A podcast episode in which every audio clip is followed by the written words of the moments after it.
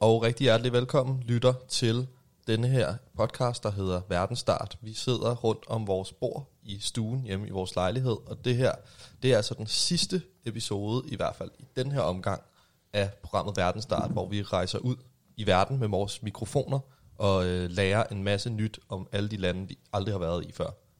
De fleste af dem i hvert fald. Jonathan, godmorgen til dig, Godmorgen. og godmorgen til dig, Christoffer, Godmorgen, Niels. og godmorgen til dig, Philip. Godmorgen, Niels. Vi sidder som sagt rundt om vores bord her i stuen, og vi er lige vågnet og sidder og drikker en kop kaffe. Og så har vi altså det her verdenskort bag bordet, øhm, hvor vi de sidste fem uger har kastet en dartpil op på et meget, meget tilfældigt land på verdenskortet, og altså rejst dertil og ligesom brugt hele dagen på at researche og finde ud af, om alt vi overhovedet kan om landet, og så øh, snakkes vi ved igen om aftenen. Og det er det samme, vi skal i dag. Vi skal også spise noget lækkert mad fra landet, og vi skal høre en masse musik fra landet. Og Philip, vil du ikke bare kaste pilen op? Jo, det kan du tro. Jeg sidder her med øh, pilen i hånden, og jeg tænker at lukke øjnene, så, så det bliver så tilfældigt som muligt. Det synes jeg er rigtig godt. Mm. Super. Det gør jeg nu. Er der noget, nogen af jer håber på? Så jeg har jo lidt sådan en drøm om, at vi faktisk slutter af lidt tæt på hjem. Så jeg vil gerne til Europa et eller andet sted. Okay. Og måske et europæisk land, som man ikke kender så godt. Jeg tror gerne, jeg vil tilslutte mig, simpelthen. Ja, men jeg, jeg skal... Det er jo tilfældigheden, der råder. Ja. Det er det. Jeg skal man prøve at opfylde jeres Man kan jo prøve at ramme lidt. Jeg prøvede at ramme, ramme Afrika, og jeg ramte Brasilien. Man kan godt forsøge. Ja. Det virker Man, kan, man kan forsøge at fejle. Nå, der kommer et forsøg her. Yes. Der. Og der er den altså. Der er vi ude i noget. Altså, jeg tror simpelthen, vi rammer en ø, gør vi ikke? Rammer vi ikke den... Nej. Hej. Nej, det gør vi ikke. Lige i Algeriet. Vi er i Algeriet, mine damer og Algeriet. herrer. Sådan. Dejligt. Aha. Ja. Lige, lige Atlasbjergene. Lige Atlasbjergene. Spændende. Meget spændende. Dreng, hvad ved I om uh, Algeriet her på forhånd? Det er et meget stort land. Ikke? Det er nemlig et Ja. kæmpestort land. Stort muslimsk land, hvis jeg ikke tager fejl. Ja, tidligere fransk koloni. Nu var Ja. jeg penslen. Uh, sidst vi havde uh, Etiopien, der troede vi jo også, det var en koloni, og det var det så slet ikke. Men jeg Ja. tror altså, at Algeriet er ret sikker på, at Ja. en tidligere fransk koloni. Der var kun to, der ikke havde været. Ja, det er rigtigt. Ja. Det var Liberia og Etiopien. Sådan. Ja, du skal ikke kigge på mig, fordi øh, jeg, gør ved, jeg. ved simpelthen ikke noget som helst. om Du ved Algeriet. intet om Algeriet. Men jeg glæder mig til at blive klog og til at spise algerisk mad og Ja. høre algerisk musik. Det bliver virkelig, virkelig spændende. Mm. Drenge, mm. skal vi ikke bare komme i gang med at finde ud af alt, vi overhovedet kan om Algeriet? Jo. Det er gøre jo vi ved i aften. Vi, øh, Øhm, Jonathan, du sidder her på stilke, fordi du har allerede nu fundet et lille nummer Yes, fra Algeriet, som vi kan starte med at høre. det har jeg. Og det kommer her. Det kommer her.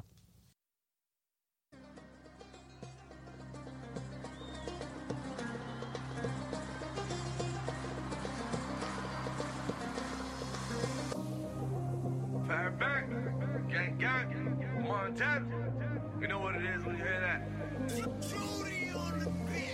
I've been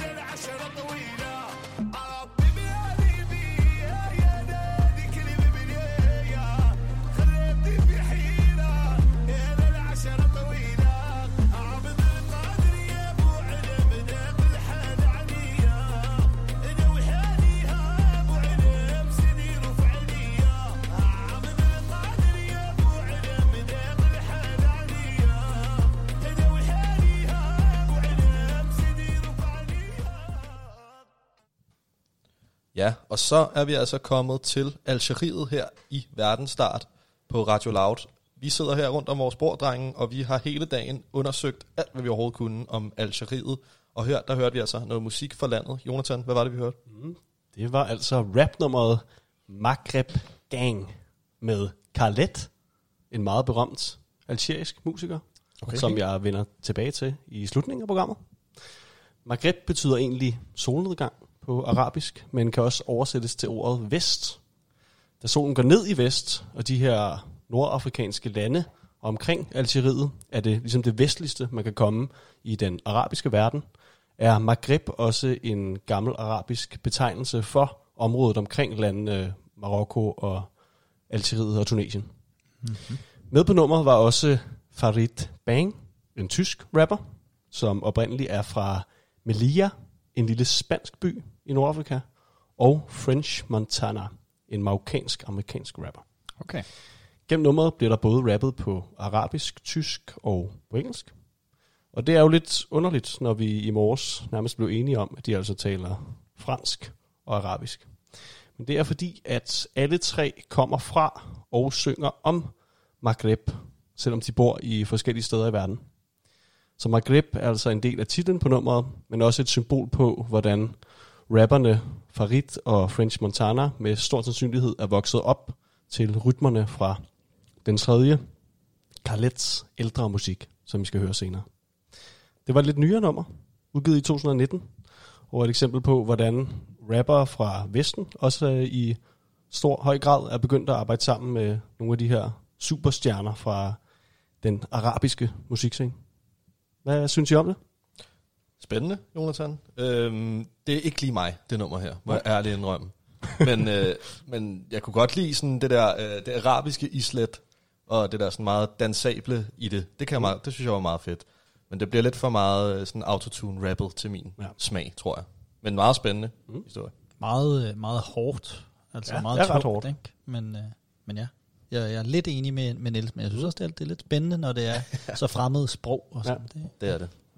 Jeg kendte det egentlig godt i forvejen, og jeg synes, det er, det er sådan okay hype-nummer, Sådan. vil jeg sige. Men, uh, men det kan også, jeg er også lidt enig med Niels. Det er lidt for hæftigt til sådan Mm. en Vi sidder- eftermiddag. Men altså, Vi sidder også her aften. og, og hygger os med en, øh, en kop grøn urtetag med mynte og citron, og sidder i, og, ja, og bare hygger os her i vores stue, så måske ja. er stemningen bare ikke helt til det lige nu. Men, Det men Nej. fedt og nice med den her sammenblanding af, af forskellige kulturer. Mm. Det er men jeg var meget overrasket over, at øh, du havde valgt sådan et nummer, vil jeg sige, Jonathan. Ja. Nu skal du gå lidt stærkt. Så var det et nyt nummer, Ja. vi startede ud med. Sådan skal det være. Lidt ældre de næste numre, vi kommer igennem. Spændende. Philip, det går også stærkt for dig her, fordi du har nogle kolde, hårde facts til os mm. om landet Algeriet, som du lige kan lide af her i, til en start. det har jeg. Det går lynende hurtigt, og øh, jeg tænker at give en lille intro, så man, øh, så man ved, hvor vi er. Fordi vi er jo, som, øh, som vi alle sammen ved, i Algeriet, og det er et nordafrikansk land, og faktisk så, og det anede jeg ikke, så er det det allerstørste afrikanske land. Og helt generelt i verden, så er det, 10, så er det det 10. største land. Sådan. Befolkningen den er arabisk, og der er hele 41 millioner. Og hele 99 procent af denne her befolkning er sunni-muslimer. Så det er altså et øh, muslimsk samfund. Øh, der snakkes primært arabisk og fransk på grund af denne her øh, kolonias- kolonialisering, som, øh, som, vi kommer senere, som vi kommer ind på senere. Øhm, og den folkerigeste del af landet, det ligger mod nord, og her er blandt andet hovedstaden Alger, Mm. eller hvordan man udtaler det. Det håber vi. Øhm, og det er der en god grund til, fordi den sydlige del af landet, øh, det er sand, fordi det er Sahara. Hovedstaden øh, Alger, den er et oplagt turistmål. Øhm, der er mange virkelig smukke parker, der er flotte historiske gamle bygninger, og der er en hel masse smukke moskéer. Derudover så er det en meget øh, velfungerende by med en med blandt andet en ny metro, som åbnede i 2011, og generelt god infrastruktur. Man kan flyve til byen, og man kan køre osv. Øhm, I byen, der hører man den her klassiske muslimske øh, kald til bøn fem gange om dagen, som vi alle sammen kender det. Øhm, det var kort om, øh, om hovedstaden, Algier, og så var det kort om, øh, om landet, Algeriet. Christoffer, øh, vil du ikke tage os med ud på en, øh, en lille historisk rejse? En lille historisk rejse. Mm. Øh, ja, Algeriet har jo en ret lang historie, og har været præget af sådan flere forskellige folkeslag og kongeriger, og derfor har jeg jo selvfølgelig også været nødt til at tage nogle nedslagspunkter, som sædvanligt.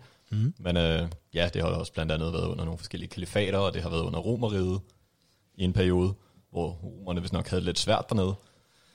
Men i hvert fald, så har jeg valgt at slå ned på øh, den tid, hvor landet var under det osmaniske rige. Mhm. Og det var det omkring 1500-tallet til omkring 1800-tallet.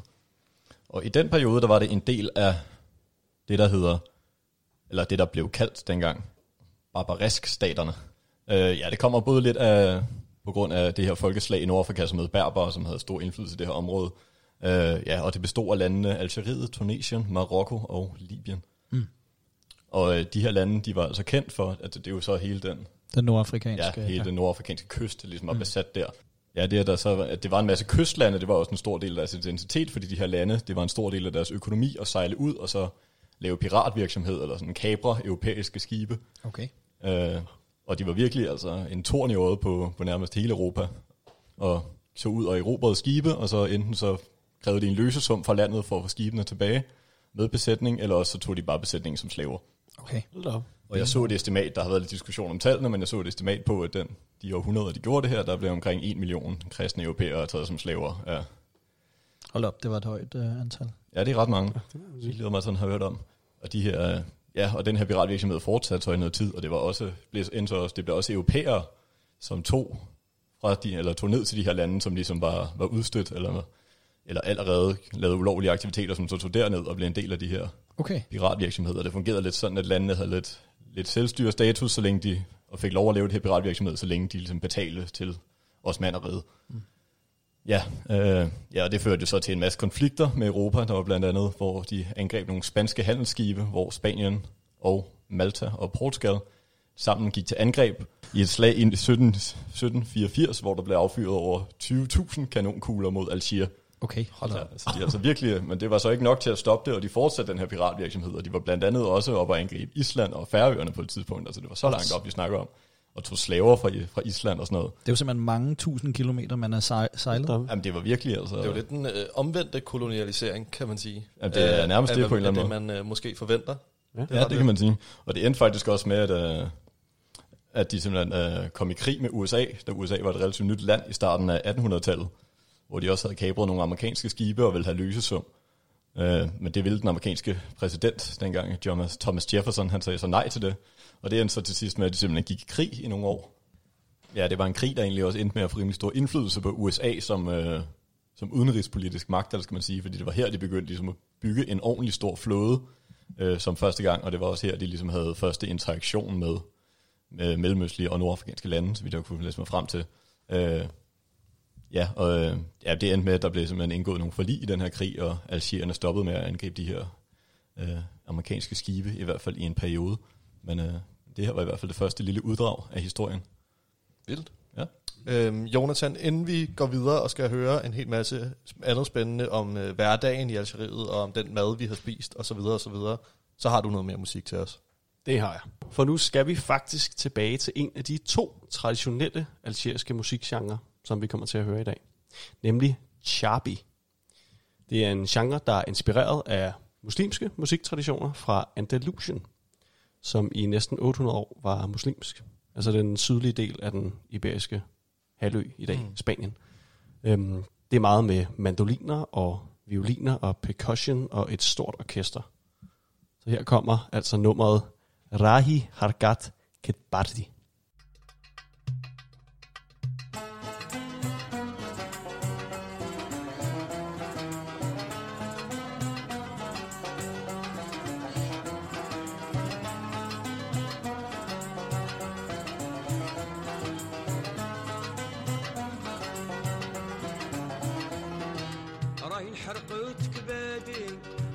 فرقت الدار خليتها لي وبلادي وعلاش هذا الشي صار؟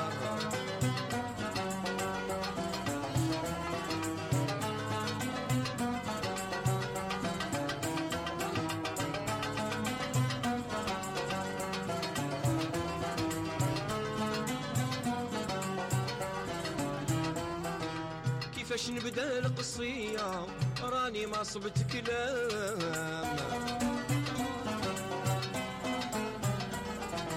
ننجا من هاد البلية دايم في تخمام كيفاش نبدا القصية راني ما صبت كلام. ننجا من هاد البلية دايم في تخمام توحش ديك العشرية صبحة وعشية نسال نفرق حبابي والدية ضيق عليا الحال راهي حرقت كبادي ملي فرقت الدار خليت أهلي وبلادي. وعلاش هذا الشي صار؟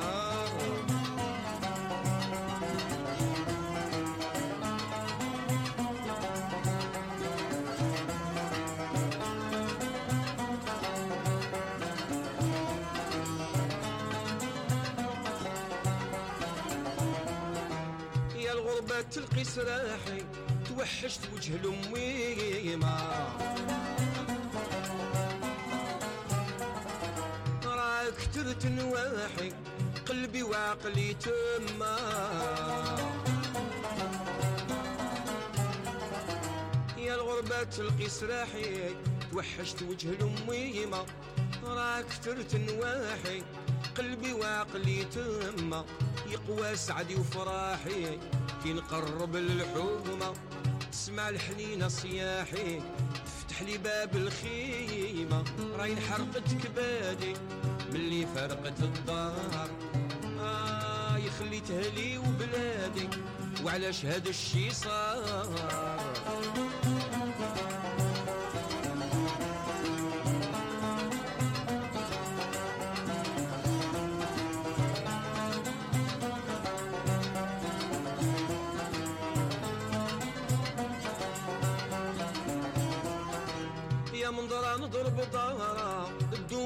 دقيقة. تطفى لي هاد الجمرة يا ونزور الحباب في الزنيقة. يا منظرة نضرب ضهرة تدوم والو دقيقة تطفى لي هاد الجمرة نزور الحباب في الزنيقة.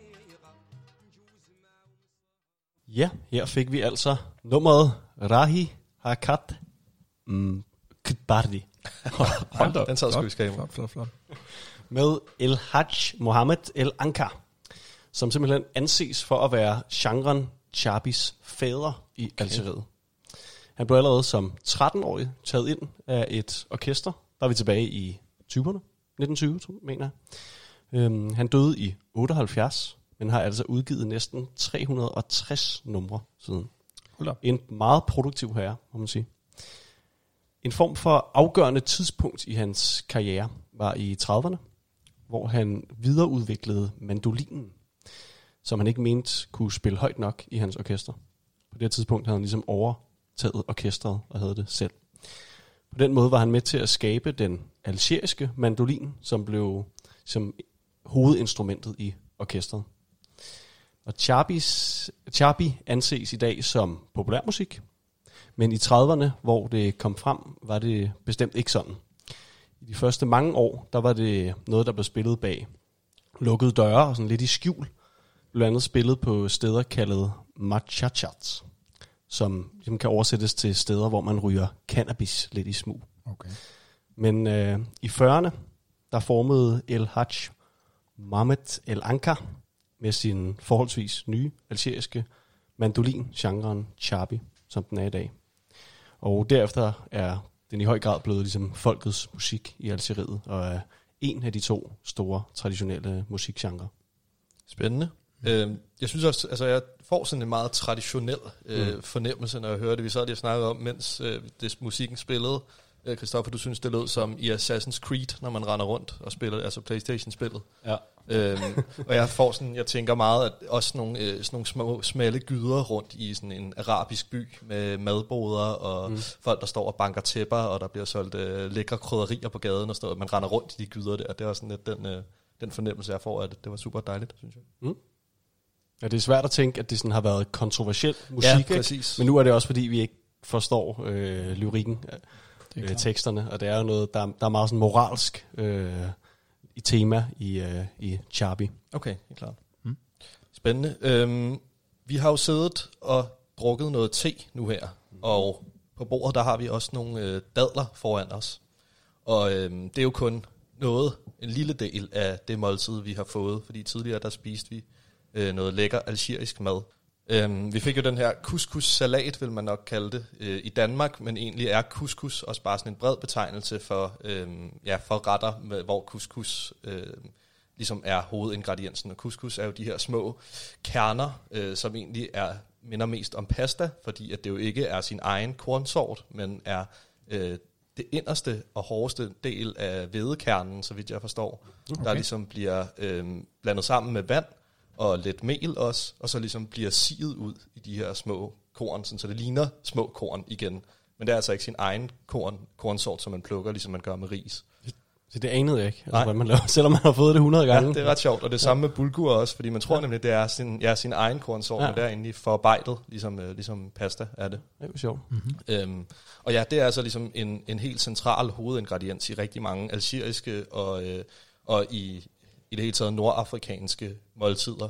Øhm, igen det her med Maghreb, som du nævnte tidligere, Jonathan, den vestlige del, eller den mest vestlige liggende del af den arabiske verden, øhm, der er det ligesom øhm, couscous og brød, som er hoved øhm, eller sådan ho- hoved øh, øh, kan man sige, hvor det traditionelt set i den østlige del har været ris og brød i stedet for. Så det, der er ligesom sådan en, en opdeling der også. Mm.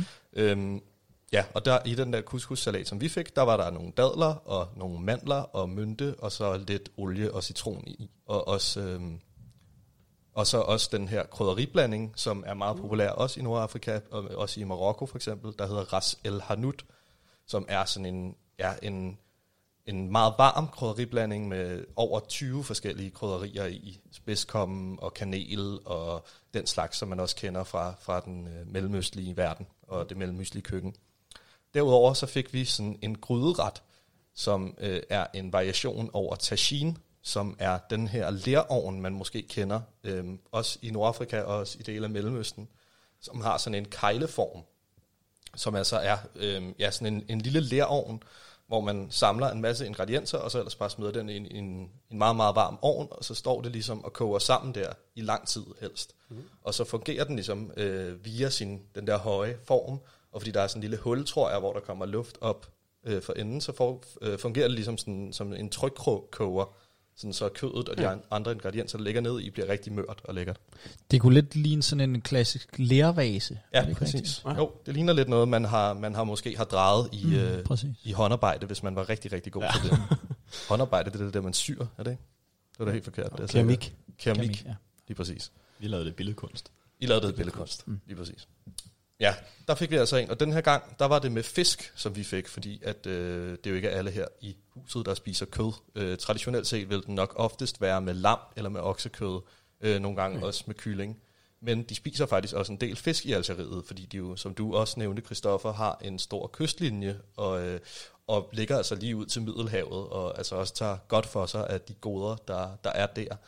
Og jeg synes i det hele taget, så synes jeg, at, at maden er virkelig sådan et lækkert mix af, af, af nemlig noget, man kender fra, fra Middelhavskøkkenet, altså fra Italien og Spanien og øh, Grækenland og så videre. Der var både sardiner og muslinger i den her fisketagine, vi fik, øhm, som man jo, eller som jeg ofte tænker, øh, forbinder med, ja, med Middelhavskøkkenet. Og så altså øh, de mellemøstlige krydderier og ja, sådan den mellemøstlige varme. Jeg synes virkelig, det er et lækkert mix. Hvad synes I om måltid, drenge? Det var sindssygt lækkert, synes jeg. Ja. Altså virkelig over forventning. Ja, jamen, jeg er helt enig. Jeg øh, må indrømme, jeg havde slet ikke tænkt fisk. Nej. Øh, da, jeg, da jeg hørte, at vi skulle til Algeriet, der tænkte jeg mere sådan nogle tunge, indkogte retter, og det var ikke rigtigt det, vi fik. Øh, det var de her øh, friske øh, couscous, og, og så denne her muslinge øh, sardinfong med, med alverdens godter i. Så jeg synes, det var helt vildt lækkert. Øh, Jeg blev lidt taget med storm der. Dejligt. Øhm, ja, altså man kan sige, at vi snød jo lidt, fordi vi har ikke sådan en tagine-ovn der.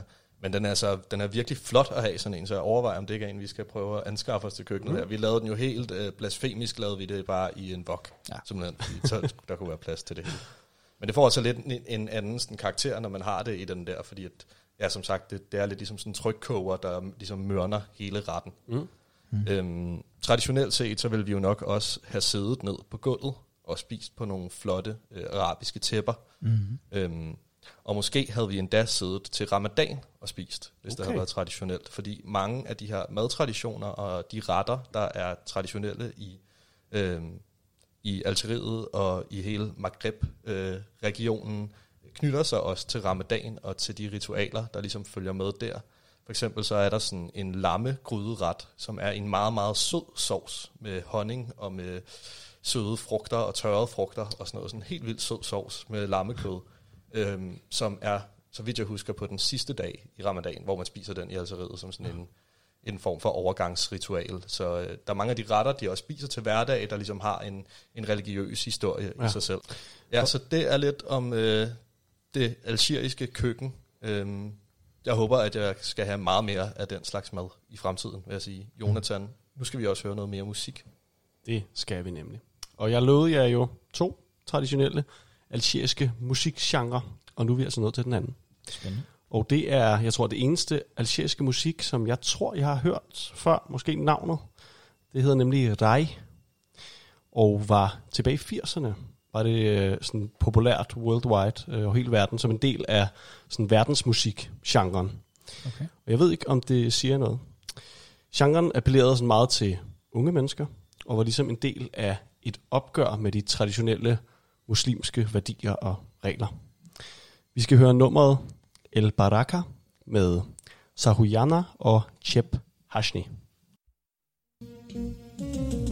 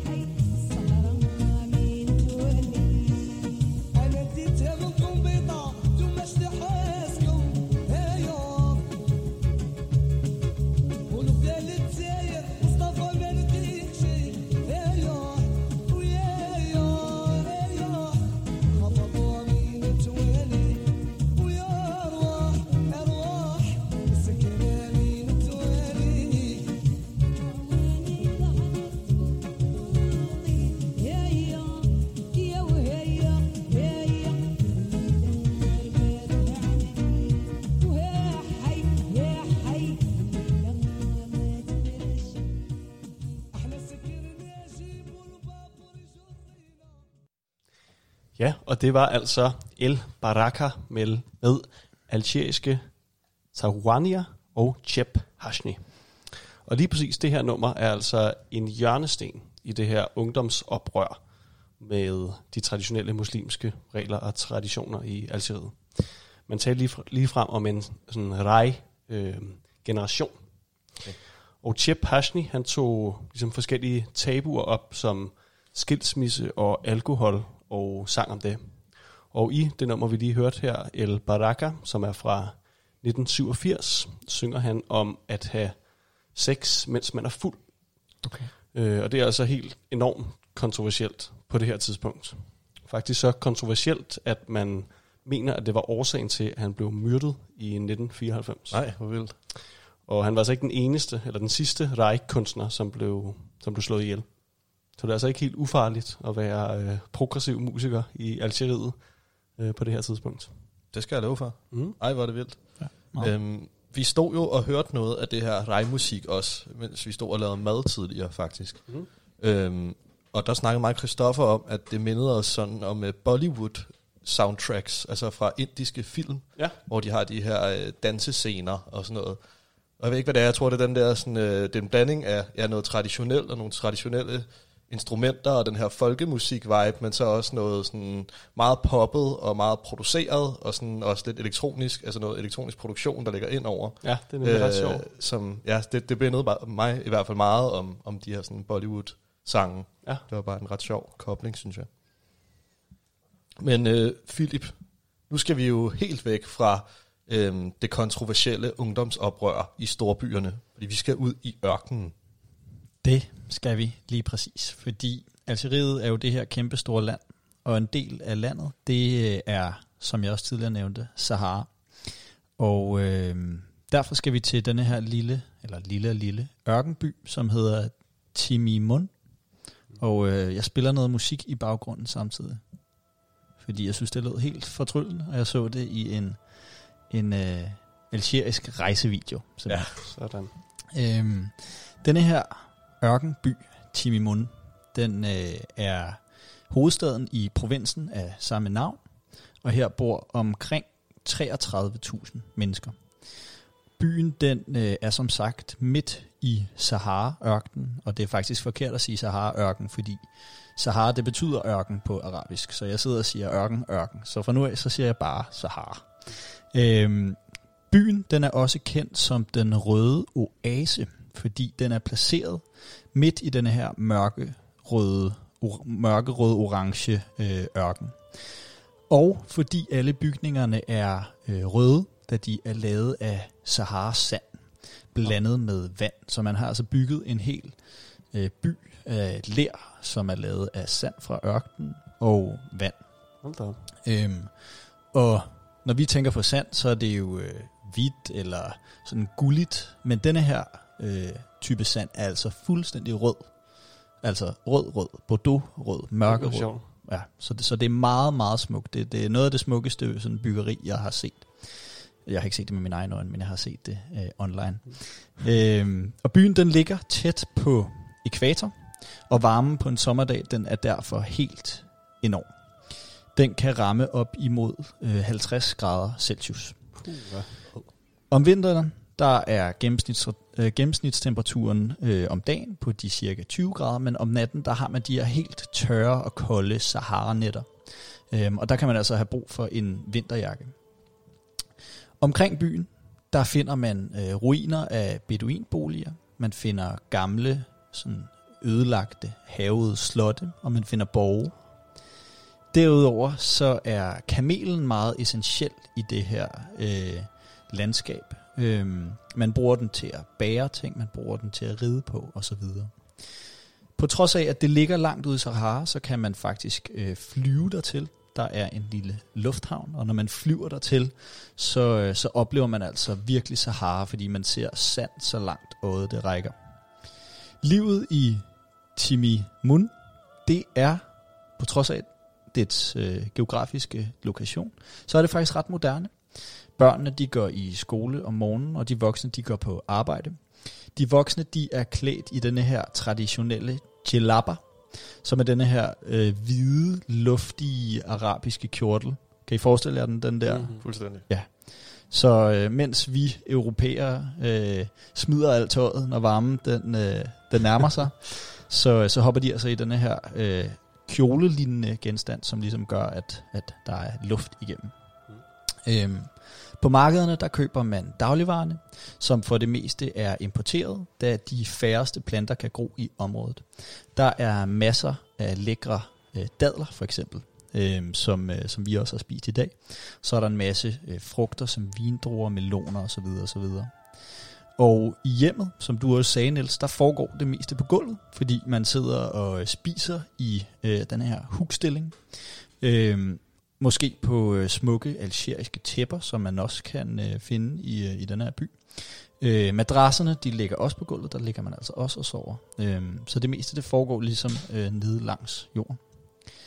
Og øh, det var sådan en lille indflyvning i, hvordan, øh, hvordan det også kan være at leve i, øh, i Algeriet. Jeg forestiller mig, at der er rigtig stor forskel på at leve i sådan en her ørkenlandsby, og så leve i den kæmpe store, moderne øh, hovedstad, som, øh, som Algier egentlig er. Hvordan, hvordan lyder sådan et, sådan et ørkenliv for jer? Det lyder øh, meget, meget varmt, først og fremmest. øh, nu har jeg en meget, meget lys og sart øh, dansk hud, så jeg tror ikke, jeg vil holde øh, mange timer øh, i dagstimerne i de 50 grader derude i den bagende sol, i Sahara i hvert fald. Nej. Men det lyder også meget, meget smukt og øh, romantisk på mange Ja. måder. synes jeg. Og det er simpelthen en øh, Google-søgning værd, den her by, fordi den er ufattelig smuk. De her røde facader, de her gamle øh, beduinruiner og hele historien, det ser så oldgammelt ud meget. Det, det er helt fantastisk smukt. Og det fik virkelig mig lyst til at, at rejse afsted og opleve ørkenen, som bare er så mm. enorm og, og spændende.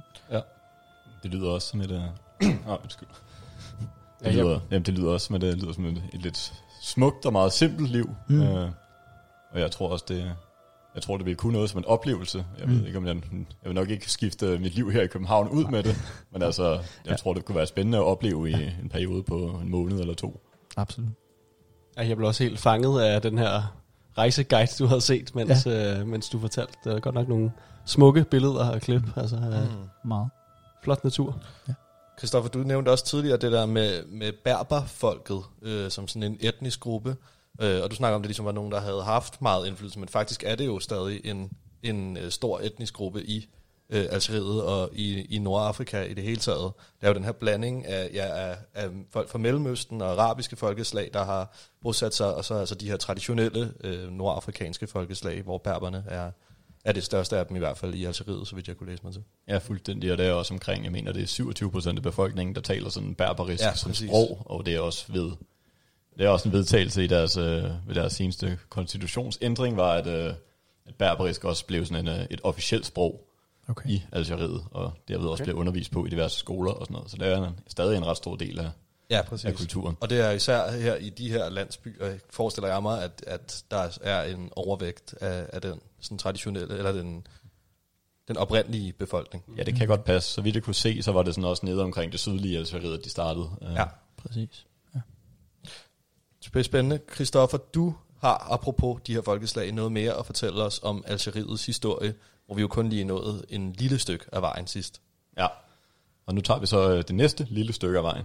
Ja. Øh, fordi vi nåede jo til den her første krig med USA var slut, og øh, det holdt så i nogle år, og så lige omkring 10 år, og så begyndte der igen at komme nogle konflikter omkring de her handelsruter og problemer med handelsskibe og sådan noget. Så der kom udbrud simpelthen endnu en krig. Øh, den her gang er der så præsident Madison, der bestemmer i USA.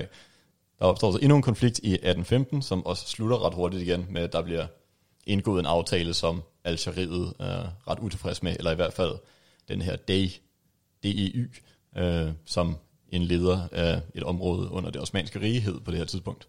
Øh, han var meget utilfreds og troede simpelthen øh, de kristne borgere i Algeriet på livet, og der var ret mange problemer omkring den her angreb. Men så efter slutningen af det her, der begyndte de forskellige pirataktiviteter, og de slog tilbage af europæerne, og blandt andet hollænderne og englænderne, øh, var ret aggressiv i den her tilgang. Jamen, de begyndte så at blive slået tilbage i løbet af, af den her tid, øh, og der begyndte så at være en gradvis nedgang i, af magt i det der område, Og i 1830, så 15 år efter den her amerikanske krig, øh, der invaderer Frankrig så området. Mm. Og ja, det har Frankrig så i en del år. Øh, I 1954, der begynder der at opstå sådan en uafhængighedskrig fra Algeriernes side, øh, ledt af en gruppe, der hed National Liberation Front. Og den her krig, den kulminerer så ved, at i 1962, der får algerierne så deres frihed, så efter 132 års kolonialisering, kolonialisering Mm. øh, bliver det så frigivet igen. Vildt. Og det er jo lidt sjovt, fordi øh, da, da jeg sad tidligere i dag og, og skulle begynde at undersøge noget Algeriet, så startede det jo med en helt almindelig Google-søgning. Og der poppede det jo simpelthen op med det samme, at tre danske medier netop har skrevet om en, øh, en udtalelse fra Algeriets minister, eller øh, Præsident. præsident lige præcis. Chris, kan du forklare om det? Det var noget med en, en undskyldning, der blev bedt om. Ja, han har jo været ude og sige, at, øh, at han føler, at det var også lidt i, i tidsånden af, at der er begyndt at blive kigget meget nu på de her tidligere koloni- kolonialiseringer, mm. et ord, der har været her gennem tiden. Øh, og nu er han så også gået offensivt ud og meldt ud, at præsident Macron skylder Algeriet en undskyldning på Frankrigs vegne over, at de har været kolonialiseret, kolonialiseret så længe. Præcis. Øh, så ja, det var egentlig det var det, det pri humlen i det, kan man sige. At han, altså, der har været tidligere lidt undskyldninger fra Frankrig, men han mener så, at det, der har været indtil videre, har været meget halvhjertede undskyldninger. Mm, det har Så været han- vagt. Ja, for han vil gerne have sådan et officielt Mm. mm. undskyldning, hvor Frankrig beklager den her kolonialisering. Ja. Det må vi jo så se, hvad ender med. Det kan jo blive meget spændende. Det er spændende. Jonathan, noget der også er spændende, det er, at vi skal høre aftens aller sidste nummer fra Algeriet. Ja, I vi er jo simpelthen nået til det sidste nummer. Ja. Og vi bliver i Rai-genren, Mm. og vi skal nu frem til 1996, hvor vi skal høre et nummer af selveste kongen af Rai, Okay. Chep Khaled, eller bare Khaled, som jeg nævnte tidligere, og som var med på det første nummer. Ah ja. Det er på fransk, øhm, og det er vi næsten også nødt til at have med, et nummer, der er på fransk. Og jeg er faktisk fuldstændig sikker på, at I kender nummeret, da skal høre. Aha. Og jeg tør næsten våge at påstå, at jeg er sikker på, at alle lytterne også kender det. Måske en lidt anden version, Okay. men øh, Det glæder vi os til. Noget af en påstand, der... det kommer simpelthen her.